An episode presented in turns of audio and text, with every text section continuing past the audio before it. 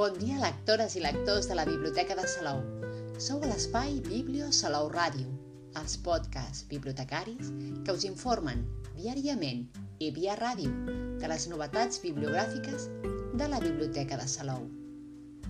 Els podcasts dels dissabtes us parlaran del que podem trobar a les xarxes sobre una de les novetats infantils del proper mes de maig.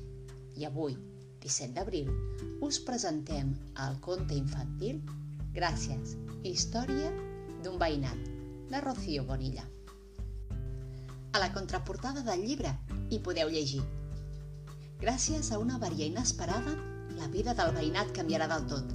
Gràcies a la curiositat i l'empatia, els veïns i les veïnes arribaran lluny, molt lluny, i ho faran junt.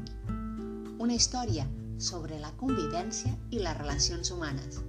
Una història sobre tots nosaltres. Què en sabem del llibre? Gràcies. Història d'un veïnat és un àlbum il·lustrat de la Rocío Bonilla. Té 40 pàgines no numerades.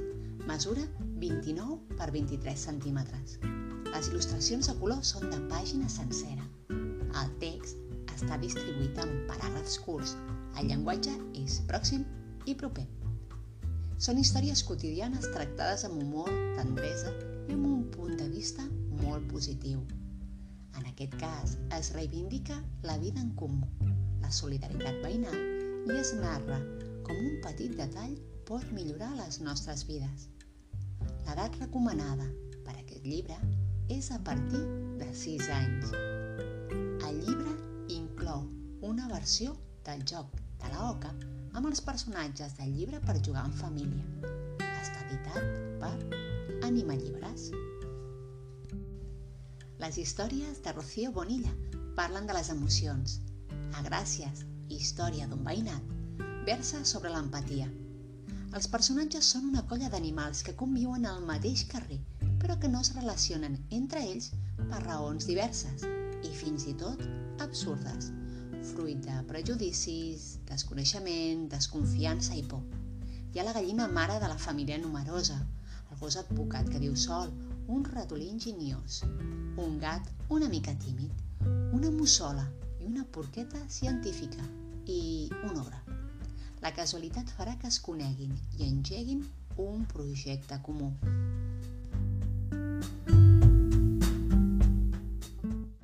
Amb aquest llibre he intentat fer un petit retrat de la societat actual, a partir d'un veïnat eh, ple de protagonistes molt dispars, que de fet són animals, perquè el fet d'explicar una història amb animals eh, fa que aconseguim una distància emocional i això sumat a l'humor que acompanya tots els meus àlbums fa que puguem parlar de qualsevol cosa.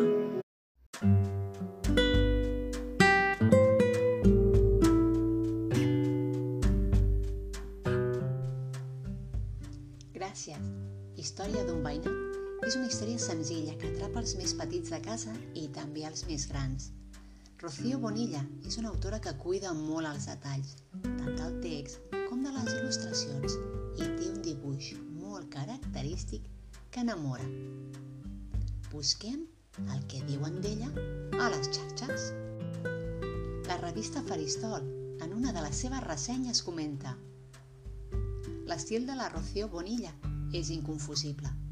Un dibuix que empatitza amb els infants, uns personatges d'ulls grossos i expressió simpàtica, un traç àgil i una gamma cromàtica bastant uniforme, sense grans contrastos.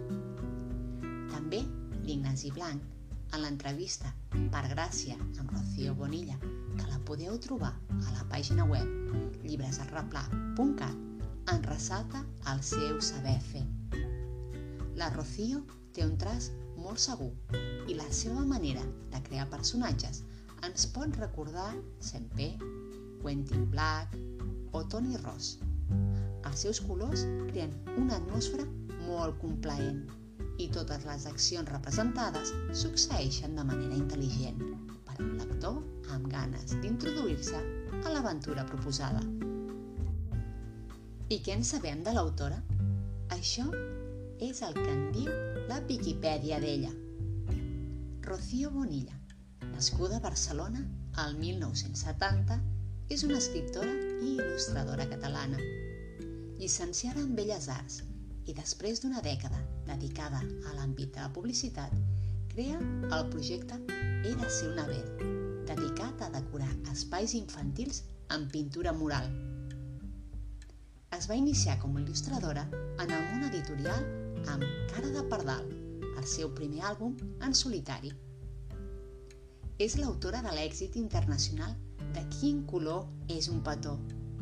A més, ha publicat una quarantena de llibres, entre els quals destaquen títols com La muntanya de llibres més alta del món, Germans, t'avorreixes Minimoni?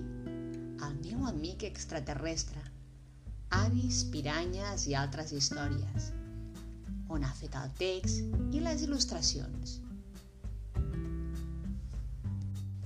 També ha participat com a il·lustradora en altres llibres, com Els fantasmes no truquen a la porta, juntament amb l'escriptora Eulàlia Canal, Max i els superherois, amb l'Oriol Malet, una gran família, amb l'Elisenda Roca, què és aquesta panxa, amb Patricia Martín, la sèrie Los Atrevidos, de la col·lecció del Taller de les Emocions, amb l'Elsa Ponset, el gran llibre dels superpoders, amb Susana Iser, entre molts altres.